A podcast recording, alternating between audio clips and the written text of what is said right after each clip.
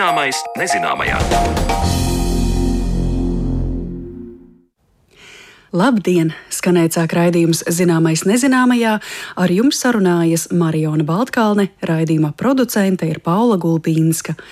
Mūsu šīs dienas stāsti vedīs kosmosā un mudinās aizdomāties par to, kādu mantojumu cilvēks var atstāt kosmosā pēc savām misijām.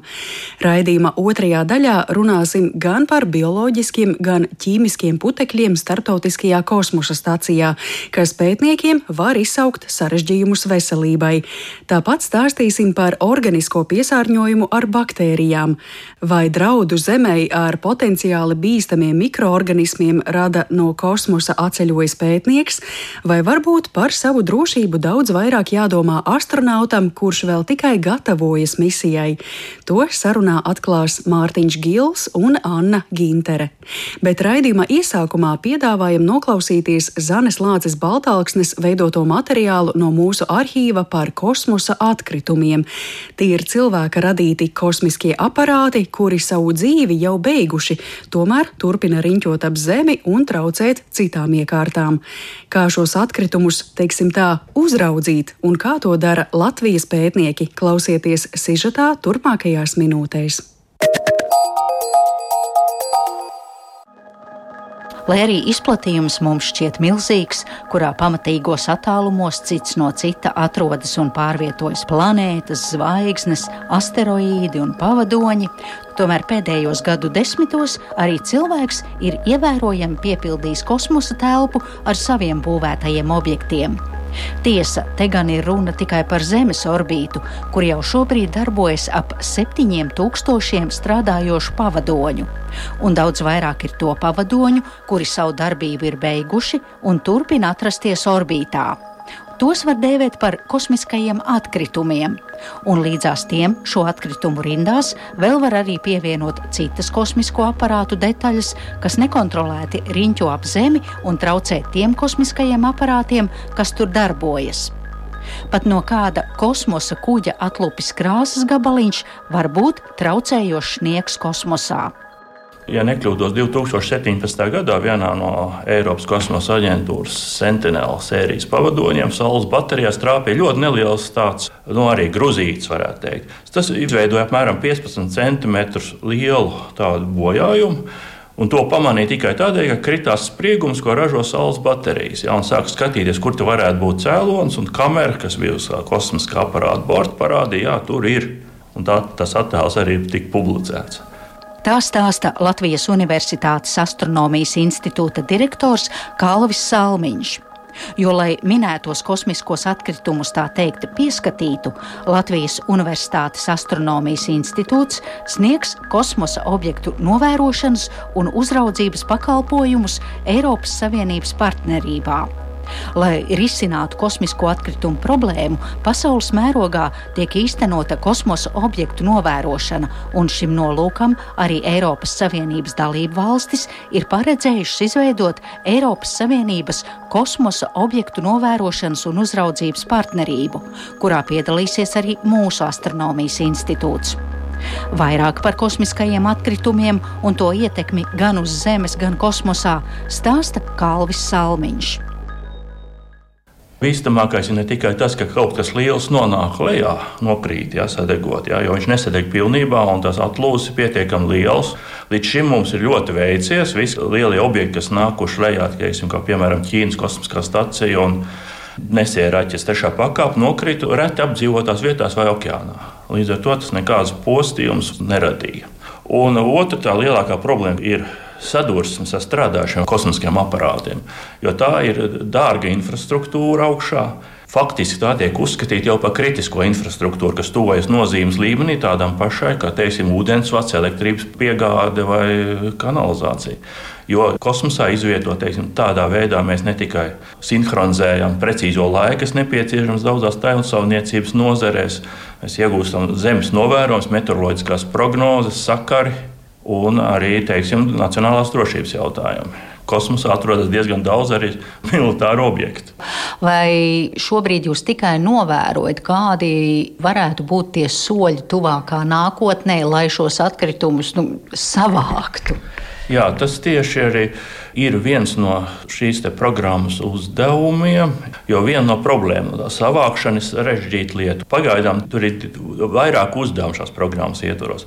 Tad pirmais ir kataloģizēšana. Mums jāzina, kas tas ir, kas lido kam viņš pieder, kāda viņa orbīta. Un ir tas bīstamākais, ka viņi var satoties un sadursties savā starpā. Šādi gadījumi ir bijuši. Jā, viens no zināmākajiem bija, ja nekļūdos, 2003. gadā var kļūdīties, kad sadūrās irīdium sakaru pavadonis ar savu darbu mūžu beigušu PSRS militāro pavadoni virs Sibīrijas. Jā. Tas izveidoja jaunu lielu tādu kosmisko atlūzu mākoni. Jā un katru no šīm atlūzām, ja, kas tur izveidojas, tā kā rada jaunas problēmas. Viņi lido drusku savādāk, tās ir grūtāk novērojamas, grūtāk prognozējamas, un tās jau apdraud vēl jau citas arī satelītus. Viens no uzdevumiem tātad ir šo sadursmi novēršana. Tas ir tik katru reizi, kad notiek šāda potenciāli tuvu satuvošanās. Ja, jāpievērš tam pastiprināta uzmanība. Pašlaik jau ir situācija tāda, ka praktiski katru dienu ir notikums, kad notiek kaut kas, ko sauc, nu, teiksim, tas vārds varbūt nav īsti atbilstoši, interesants. Bet, nu, teiksim, interesants no tā viedokļa, ka tur ir jāpievērš pastiprināta uzmanība. Jāsāk sekot, jo tie objekti pielido viens otram pietiekami tuvu. Līdz šim ikvienam ir brīvi pieejams katalogs, ko savulaik ir izveidojusi bijusī ASV pretgaisa aizsardzības komanda. Šajā katalogā var aplūkot ap 50 tūkstošiem objektu, kas atrodas Zemes orbītā.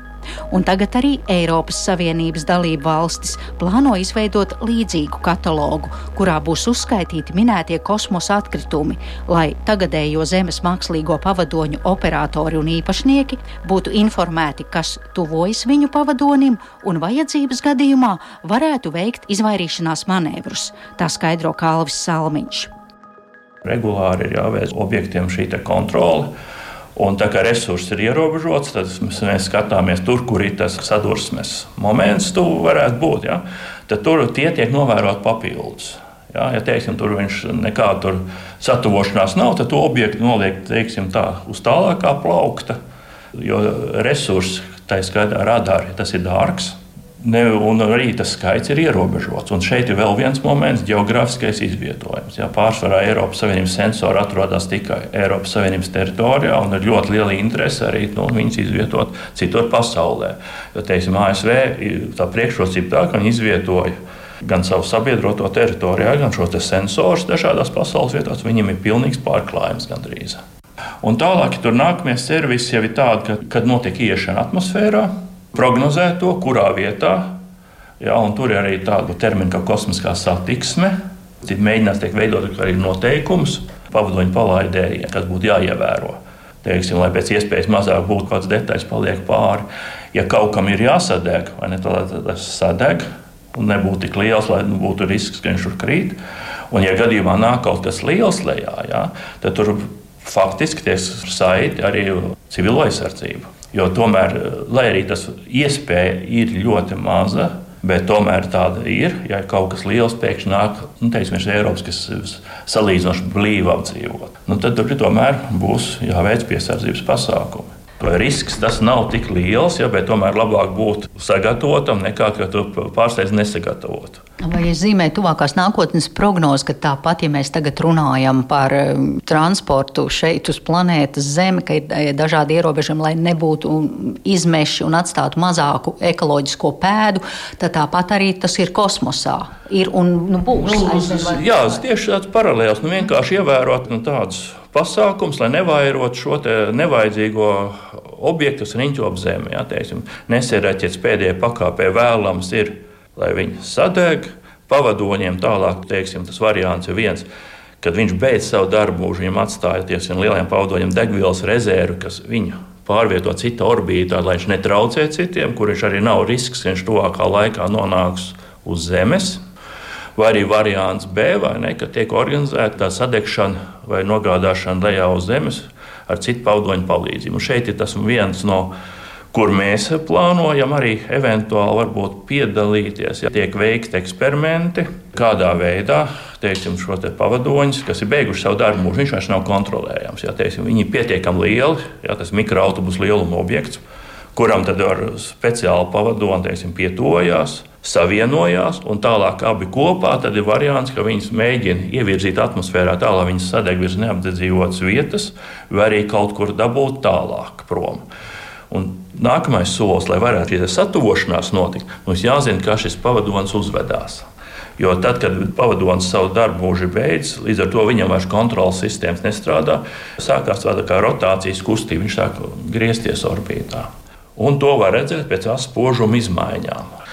Un mēs no Zemes to novērojot, mēs varam mēģināt saprast, kā viņš rotē, cik ātri un kāda orientācija. Un tas ir ļoti būtisks satošanās brīdī, Jo tur nav tā kā uz zemes, kad iespēja, ka teiksim, mēs varam tur brīvi manevrēt, ja nevar tur, teiksim, nu, piemēram, pēc ja automobīls iebrauc grāvī, ja tur nevar no vienas puses, var mēģināt no citas puses. Ja?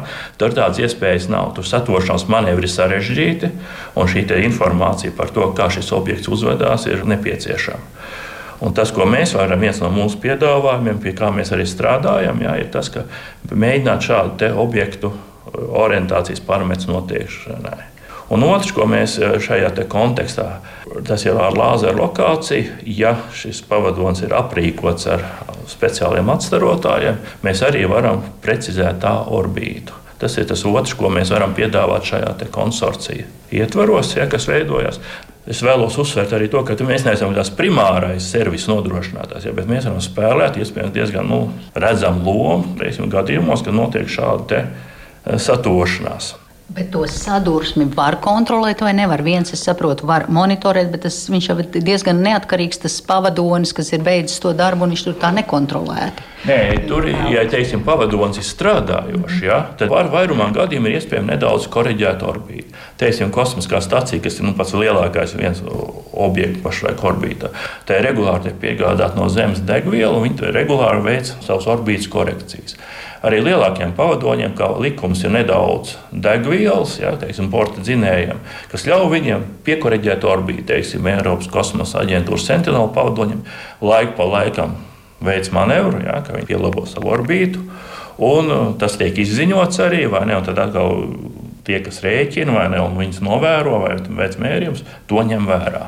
Ja cilvēki tagad klausās, jūs pieminējat arī to atlūzu mākoni, nu cik daudz jau tas atmosfērā ir un ko visas tās sadegšanas, ko tas atstāja kādu iespaidu uz uh, mūsu planētu? Sadegšana, ja kaut kas tiešām liels nenonāk lejā, praktiski nekādu iespaidu neatstāja.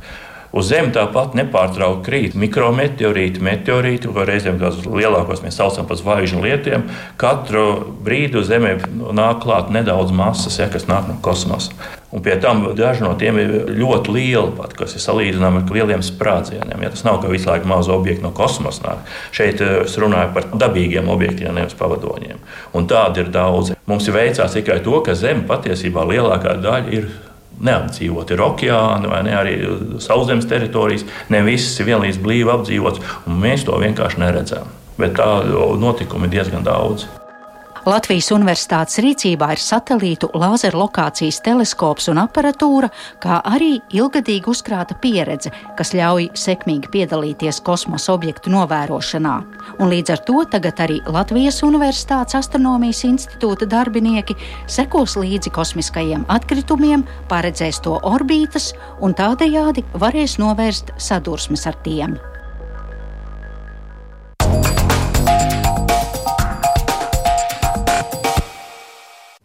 Par kosmosa atkritumiem, to novērošanu un uzraudzību stāstīja Latvijas Universitātes astronomijas institūta direktors Kalvis Salmiņš, ar kuru sarunājās Zane Lāce Baltāksne. Šo materiālu piedāvājām no mūsu arhīva krājumiem, bet dodamies tālāk un jau pēc mirkļa runāsim par putekļiem kosmosā, kas tos rada un kam tie kaitē.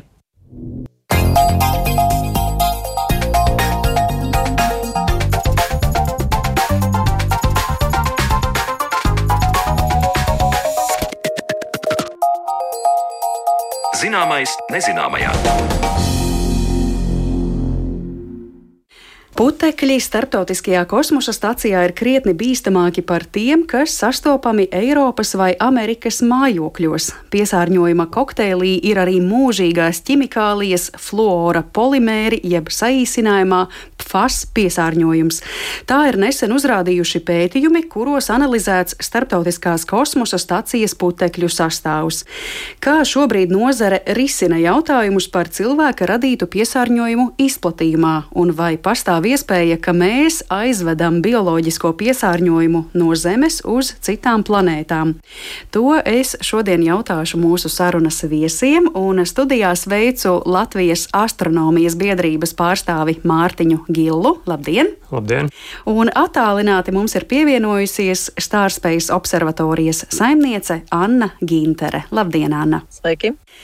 Skaidrs, ka starptautiskajā kosmosa stacijā lodziņu tā nevarēs atvērt vaļā, nevarēs pavēdināt, bet tajā pašā laikā rodas jautājums, kā var rasties tik daudz bīstamu putekļu šajā vidē. Viena doma, kas man nāk prātā, visu laiku jau kosmosā kaut kas nonāk, kādi kosmosa kuģi, kas ir veidoti no kādiem konkrētiem materiāliem, un tad varbūt kaut kā, teikšu vienkāršoti, izgaro putekļus. Vai mana doma ir uz pareizā ceļa? Varbūt šis stāsts ir plašāks par to, kā putekļi nonāk kosmosā. Mārtiņ, kā jūs teiktu? Laikam te jāsāk ar to, ka jāsaprot, kas ir kosmiskā stacija. Kosmiskā stacija tas ir tāds liels veidojums, kas ir veidots no daudziem dažādu valstu moduļiem.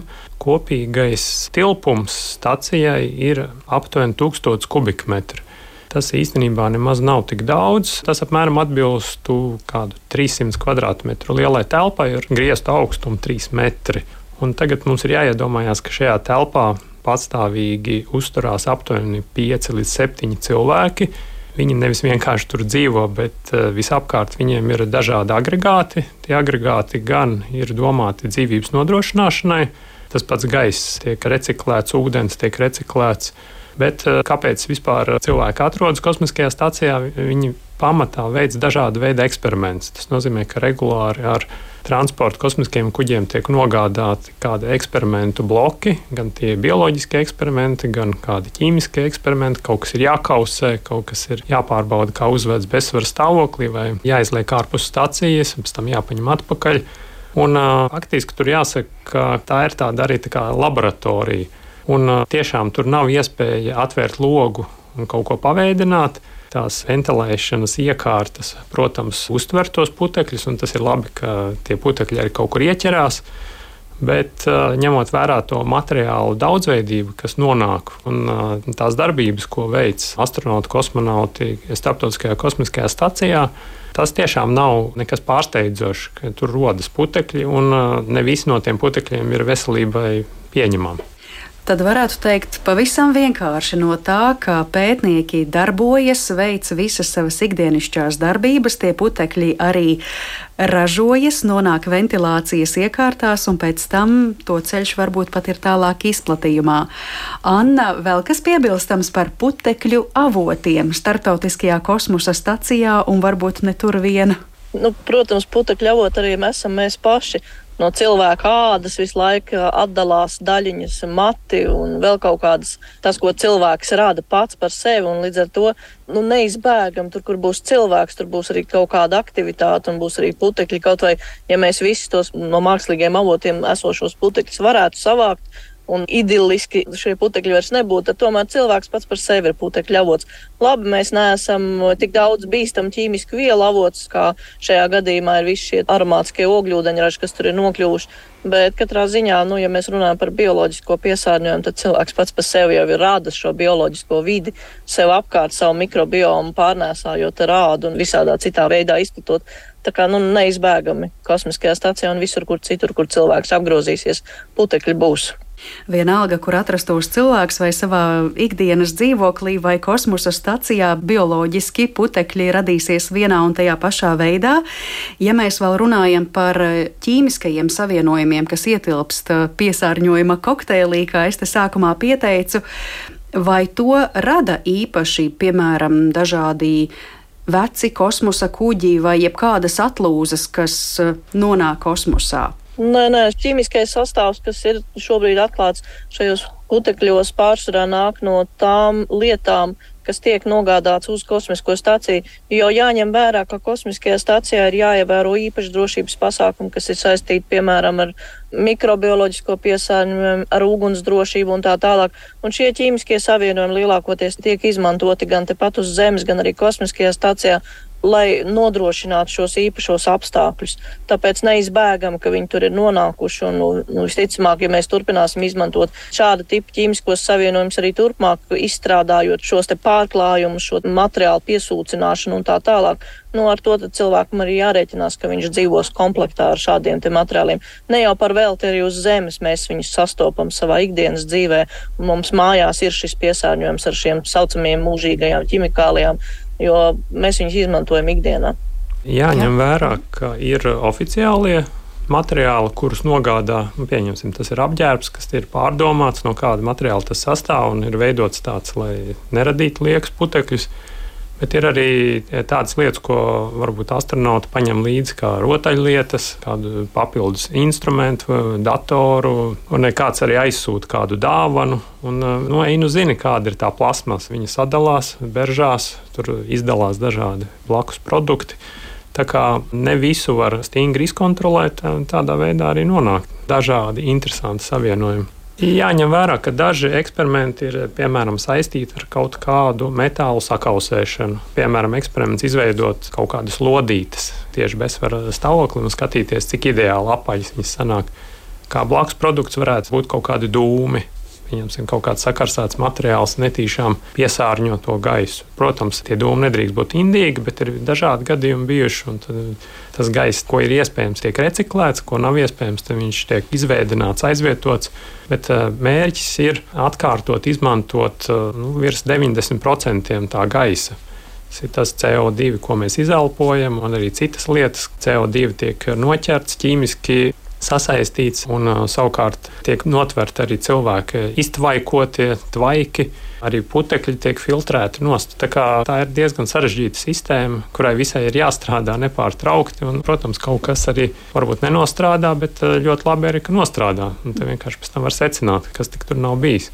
Anna, jūs arī minējāt par šīm stingrajām prasībām, kas ir jāievēro astronautiem, tad, lai izvairītos maksimāli vēl no šādu ķīmisku vielu noplūdes, kā to risināt, tad tām prasībām būtu jābūt vēl stingrākām. Nē, nē, visticamāk, ir daļa no šiem ķīmiskajiem savienojumiem, kas atrodas kosmiskajā stācijā un tāpat mums šeit uz Zemes, ir vienkārši vēsturiskais mantojums.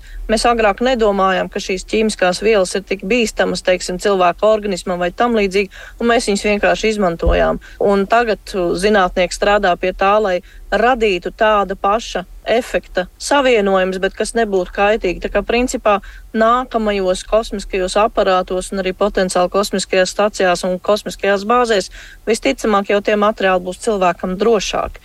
Jo nu, vienkārši tās zināšanas par to, kādus ķīmiskos savienojumus ieteicams izmantot un kādus nē, līdzīgi tāpat kā bija ar šiem freonu savienojumiem saistībā ar ozonu.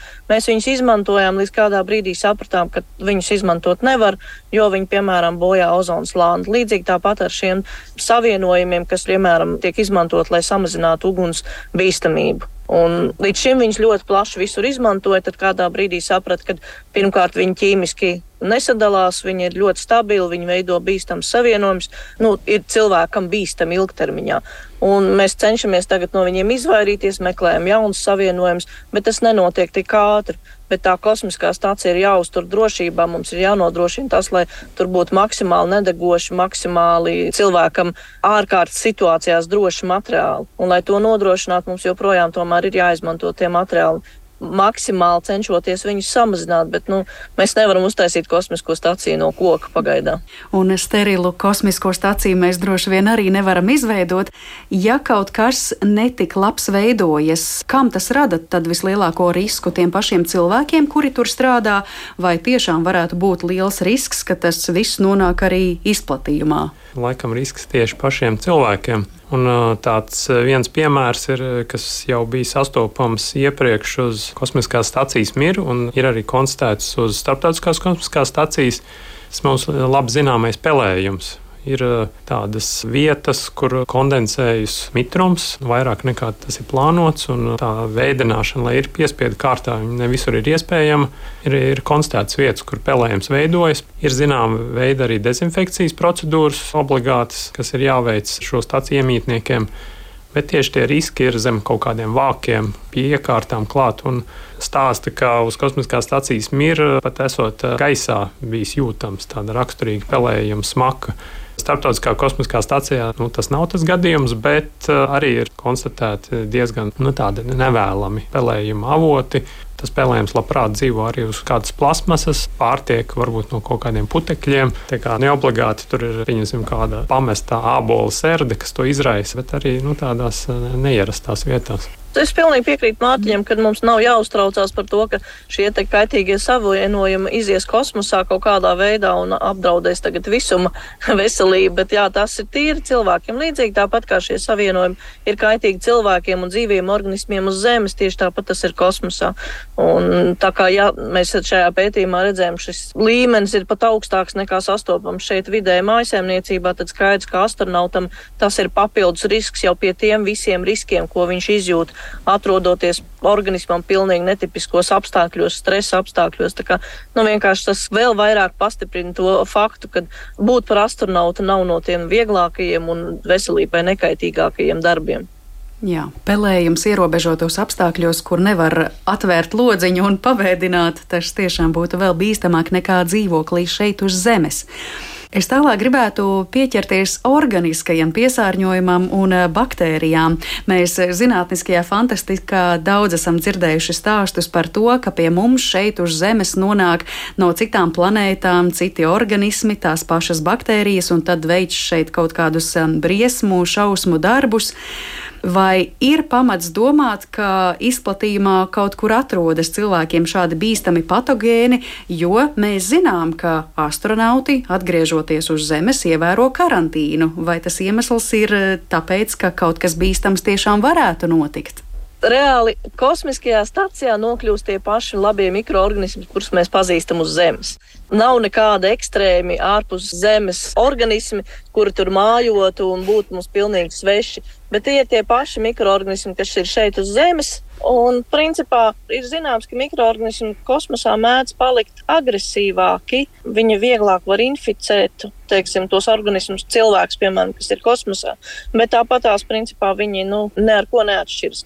Daudz vairāk, varbūt, ja mums teorētiski būtu tāda potenciāla iespēja, būtu jāuztraucās par organismiem, kas ir veidojušies ārpus Zemes un tur dzīvot. Piemēram, ja mums tiešām būtu mikroorganismi uz Marsa, tad mēs teorētiski viņus varētu atvest uz Zemes.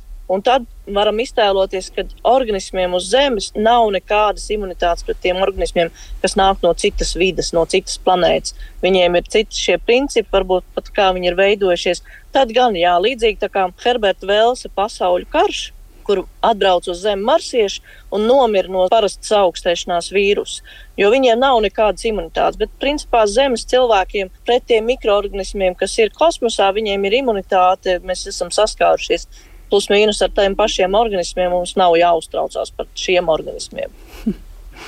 Mārtiņ, jūs ar ko gribējāt šajā saistībā teikt? Te arī ir varbūt eh, jāapskata tāda lieta, kas notiek ar tiem mikroorganismiem, kas atrodas orbītā ap Zemi piemēram, uz kosmiskās stācijas, mums tam nonāk atpakaļ.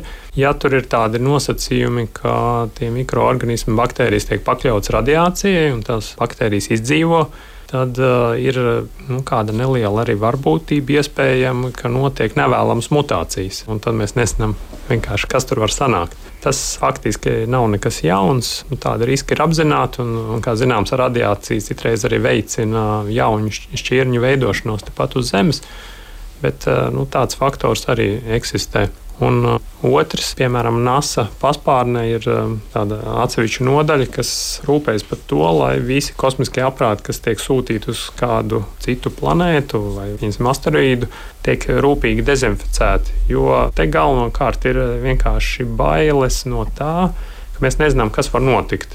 Tas ir drošības pēc, lai pēkšņi neizrādītos, ka kādas atsevišķas baktērijas var būt dzīvot spējīgas, un pēc tam var ļoti labi iedzīvoties uz kāda attāla planētas pavadoņa, un pēc tam kad mēs tur dosimies jau pēc N gadiem, tur izrādīsies, ka priekšā ir jau vesela jūra ar kaut kādām baktērijām, kas vairs neatgādina mūsu baktērijas, bet varbūt nu, vai nu nāvējoši bīstams, vai arī vienkārši sabojājuši to vidi. Tā kā var dažādi gadīties.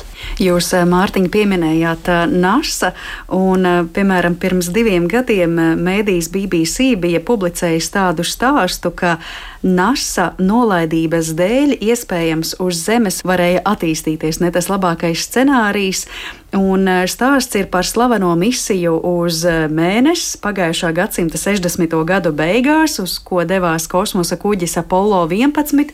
Tajā, protams, piedalījās Nils Armstrongs, bet kā stāsta šis mēdījis, kas tad notika pēc astronautu atgriešanās uz Zemes.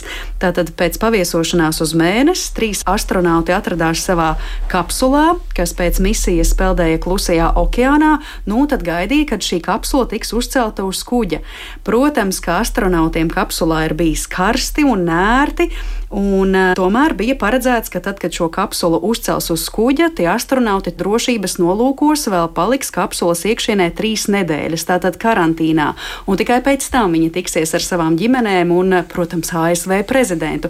Bet NASA esot toreiz pārkāpusi noteikumus un atvērusi kapsulas durvis, un kapsulā esošais gaiss momentā izplūdis ārā, un tikai pēc tam astronauti ir devušies uz speciālu karantīnas telpu, kas atradās uz manis pieminētā kuģa jūrā. Kā šajā rakstā bija vēstīts, tad viss ir beidzies labi, bet patiesībā toreiz, pagājušā gadsimta 60. gados, tas esot bijis milzīgs risks un varbūt pat tāds īstermiņa lēmums par astronautu komfortu varēja ilgtermiņā beigties ar kaut ko citu, ar svešiem mikroorganismiem, kas uz Zemes varētu sākt savu postošo darbību. Vai šis eh, raksts eh, tiešām kaut kur sasaucas ar tādu zinātnē? Zinātnisko pamatojumu, ka kaut kas nelabs šeit varēja nonākt, pieķēries klāt astronautiem, vai tomēr tas ir tāds pārspīlējums? Tajā laikā tiešām nebija zināms, un uh, ļoti rūpīgi tika pārbaudīti arī atvestie ieži, uz to, vai tur nav kādi bioloģiski blakus produkti pievienojušies klāt.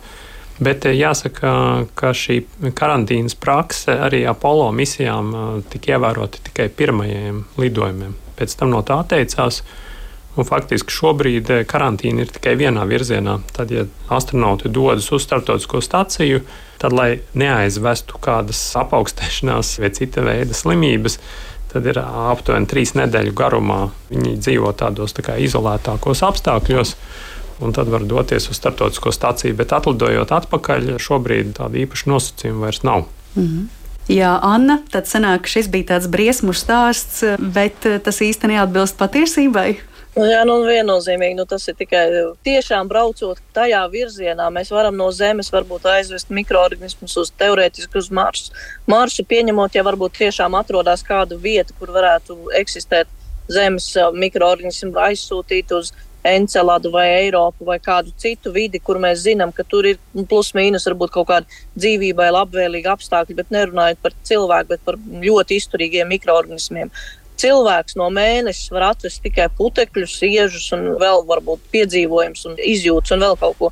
Mikroorganismu uz mēnesi nav un nevar tur pastāvēt, lai kā arī mums tur gribētos. Mums arī šobrīd nav zināms neviens debesu ķermenis, dabiskais ārpus kosmiskās stacijas un kosmiskajiem kuģiem, kur cilvēks varētu saskarties ar kaut kādu dzīvību. Visur, kur mēs ejam, mēs nesam līdzi savas dzīvības formas, kas ir sastopamas šeit uz Zemes. Un labākajā gadījumā, tiešām, kā Mārtiņš teica, viņām var veidoties kaut kādas mutācijas tur kosmosā, bet mutācijas mikroorganismiem veidojas nemitīgi šeit uz Zemes.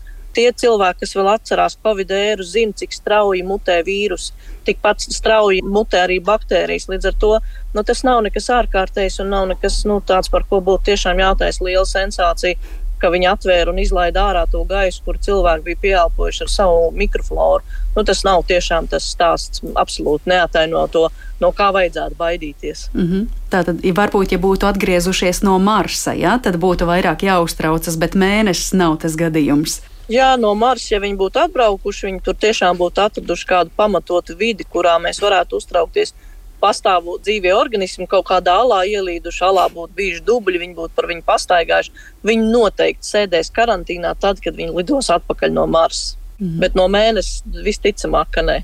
Skaidrs, tad šobrīd tās standarta procedūras attiecas uz pētniekiem dodoties eh, kosmosā.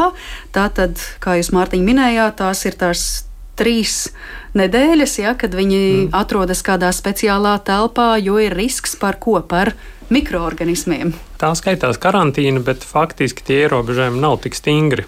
Galvenais tiek ierobežota tikšanās ar citiem cilvēkiem, bet eh, viņi var eh, pārvietoties un darboties tajā treniņu kompleksā. Un pirms starta var braukāt apkārt attiecīgās robežās, bet eh, galvenokārt tas risks ir nenoķert kādu infekciju, kādu vīrusu nenoķert. Un, ja kaut kas ir noķerts, tad attiecīgi trīs nedēļu laikā tas parādītos.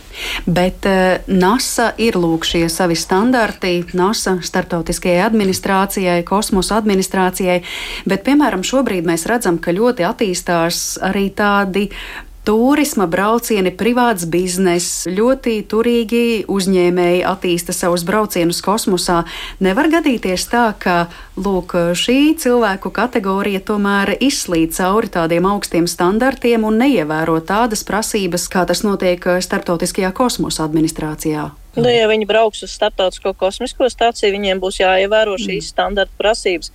Ja viņi brauc vienkārši pavizināties kā ar lidmašīnu augšā lejā, nu, tur var arī nebūt nekādas prasības. Kādreiz nākotnē, potenciāli, kad būs kosmiskās viesnīcas, viņas īpaši neatšķirsies no tām viesnīcām, kādas mēs esam izveidojuši uz Zemes. Nu, izņemot to, ka mēs tiešām nevaram atvērt logu un izveidot.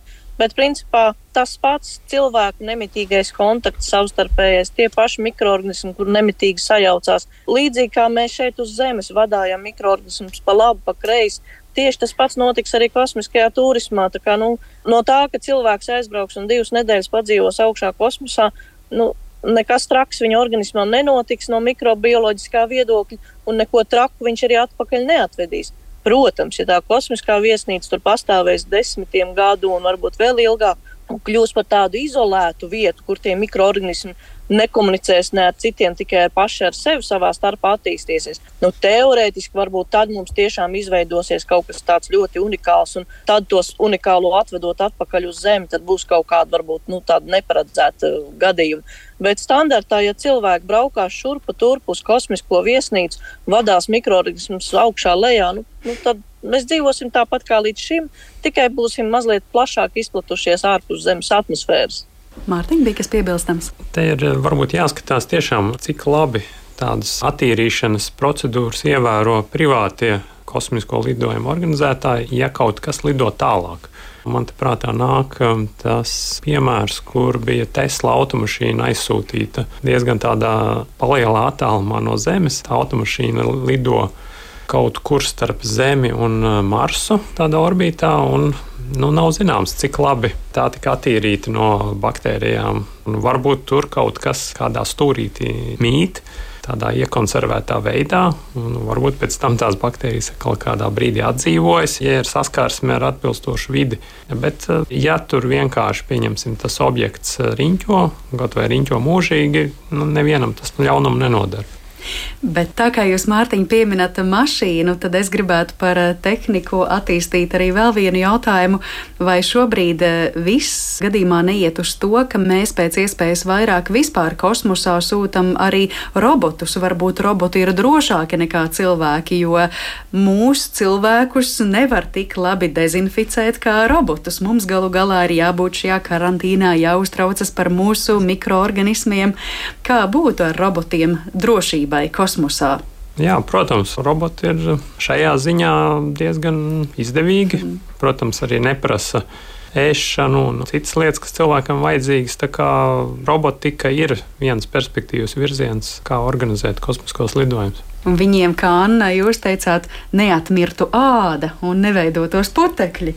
Jā, un katrā ziņā tā kā misija beidzās, piemēram, kā bija Kasīnī gadījumā, tad, ja mēs zinām, ka šajā sistēmā, Saturna sistēmā ir pavadonis, uz kuru potenciāli ir mikroorganismiem dzīvībai labvēlīga vide, mēs varam apzināti šo robotu, jeb automatizēto misiju iznīcināt tā, lai viņa nekad savā potenciālā nākotnes orbītā nesaskartos ar šo vidi, kurā viņi varētu attīstīt dzīvību. Jo skaidrs, ka ideāli tīru kosmisko aparātu mēs arī nevaram dabūt. Tas ir ārkārtīgi grūti. Jo mūsdienās mikroorganismi arī šeit uz Zemes kļūst ar vien izturīgāk pret dažādām sterilizācijas metodēm, dezinfekcijas metodēm, un mēs nevaram uztaisīt nu, ideāli tīru vidi. Ir liela cerība, ka vismaz ārējās virsmas, ar kurām saskarās kosmiskā radiācija, kosmiskais starojums un ekstrēmā vide, tā iznīcina ļoti daudz, bet katrā ziņā, ja tur kaut kur iekšienē, kaut kur pie mikroshēmām, tādā patīkamā siltumā vēl kāds eksistē un nedaudz varbūt pat nevairojās, bet vienkārši ir un gaida šo izdevīgo brīdi. Un šāds kosmiskais aparāts tiešām, kā Mārtiņš saka, kā piemēram tā Tesla, saskarās ar objektu, uz kura ir dzīvībai potenciāli labvēlīga vide, nu tad ir klikšķis un mums attīstās tiešām zemes mikroorganismi ārpus zemes. Tad, kad mēs aizbraucam uz to objektu vai viņu sākam pētīt un atklājam ārpus zemes dzīvības formu, un pēc tam izrādās, ka tā tomēr ir zemes piesārņojums, kas tur ir nonācis. Jā, tā kā, nu, tāds risks pastāv, tāpēc arī ļoti, ļoti rūpīgi izvērtē šīs misijas, kas tiek sūtītas uz šādiem objektiem. Pirmkārt, maksimāli dezinficējot, sterilizējot šos aparātus, un otrkārt arī novēršot iespējamo kontaktu ar tādām vietām, kur varētu būt šķidrs ūdens, siltums, enerģija, vēl kaut kas. Es vēl sarunas noslēgumā gribētu līdz ar to jautāt, cik lielā mērā vispār eh, notiek tāda apzināta pētniecība par to, kādi ir mikroorganismi, kā tie uzvedas, piemēram, tajā pašā starptautiskajā kosmosa stācijā ārpus tās. Mēs zinām, ka šobrīd ir misija uz Marsa. Notiks arī pēc eh, dažiem gadiem mēģinājumi atkārtoti doties uz Venēru. Ir tās misijas arī apzināti organizētas, lai saprastu, kādi mums varbūt varētu būt patogēni. Ne tikai lai kaut ko saprastu par visuma Zemes un citu planētu vēsturi. Jā, starptautiskajā Tā. kosmiskajā stācijā tiek plaši pētīti mikroorganismi, kas tur dzīvo. Tiek pētīti arī mikroorganismi, kas dzīvo cilvēkos. Tāpat speciāli tiek vesti dažādi patogēni. Tās pašas salmonellas, ešerīhijas koli tiek vestas, lai pētītu, kā šie mikroorganismi mainās kosmosā, jo tā ir daļa no cilvēka mikrofloras, un cevišķi, ja mēs sūtīsim cilvēku tālākos lidojumos, mums ir jāsaprot, kā tie mikroorganismi mainās, cik ļoti viņi kļūst agresīvāki un kā viņi potenciāli varētu ietekmēt nākotnē šīs misijas. Jo nu, tos mikroorganismus no cilvēka mēs nevarēsim dabūt ārā, kā jūs pareizi teicāt, cilvēku nevar nosterilizēt. Viņā vienkārši ir iekšā tie mikroorganismi, bet mums ir jāsaprot, kā kosmiskajos apstākļos viņi mainās vai viņi kļūst sliktāki, vai viņi kļūst labāki, un ja viņi kļūst sliktāki, kā mēs ar viņiem varam cīnīties. Un tur šis kosmiskais stācijas lielais devums ir tas, ka viņi ir tuvu, un mēs varam nemitīgi pētīt šos cilvēkus, kas tur uzturās, un vest speciāli šos mikroorganismus un noskaidrot vairāk informācijas par viņiem. Mm -hmm. Mārtiņa, kā ar misijām pētīt patogēnus, varbūt ārpus starptautiskās kosmosa stacijas? Nu, šeit uh, ir interesanti varbūt, pieminēt, uh, ir tādi mikro dzīvnieciņi, kurus sauc par gauskājiem, jeb no angļu valodas arī tieši tulkojot, viņi sanāk ūdens lācīši. Tie ir tādi līdz milimetru lieli organismi ar astoņām kājām un diezgan asiem zobiem. Un uh, dzīvo zemes apstākļos sauc, kur, kur ir mitrums, tādās mitrās, siltās vietās, upes ūdeņos, ezeros, purvos. Un ir izpētīts, ka šie ir ļoti izturīgi organismi. Ir uh, bijis eksperiments gan ar šo organismu saldēšanu, izžāvēšanu, un pēc tam atdzīvināšanu. Arī šie gauskāji ir turēti ārpus starptautiskās kosmiskās stacijas. Un ir konstatēts, ka arī vakums un pat uh, kosmiskais starojums viņiem īpaši nekaitē ir tādi superizturīgi organismi, kas spēj dzīvot nu, gandrīz jebkādos apstākļos. Te, protams, arī ir jautājums, vai pēc šāda eksperimenta arī šiem pašiem gauskājiem neveidojas kaut kādas tālākas mutācijas, bet uh, šādi pētījumi apzināti notiek ne tikai ar baktērijām un vīrusiem, bet uh, arī ar citiem organismiem. Tie ir tie paši, ko sauc par tardigradiem. Jā, tieši tā. Jā. Mm. Nu, vienmēr ir derīgi aprunāties ar zinošiem cilvēkiem, lai saprastu, ka Patiesībā daudz kas mums ir līdzīgs tam, kā mēs dzīvojam šeit uz Zemes, un tā kā pētnieki uzturas starptautiskajā kosmosa stacijā, putekļi ir un būs visur, ko veido arī mūsu organisms.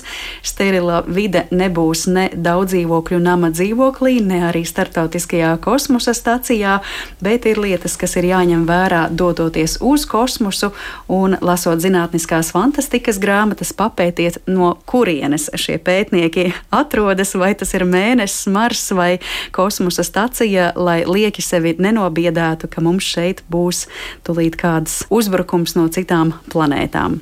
Paldies jums abiem, ka jūs kliedējāt mītus un skaidrojāt patiesību, un atgādināšu klausītājiem, ka šodien mēs sarunājāmies ar Latvijas astronomijas biedrības pārstāvi Mārtiņu Gillu, un attālināti ar mums kopā bija Stārspace observatorijas saimniece Anna Gintere. Paldies jums abiem par sarunu. Paldies! Un ar to arī mūsu šīs dienas raidījums izskan. Par to gādāja Paula Gulbīnska, Girts Bišs, Elizabete Šaicānova un ar jums sarunājās Mariona Baltkalne. Lai priecīgs un patīkams šīs dienas turpinājums un uz sadzirdēšanos jau pavisam drīz! thank you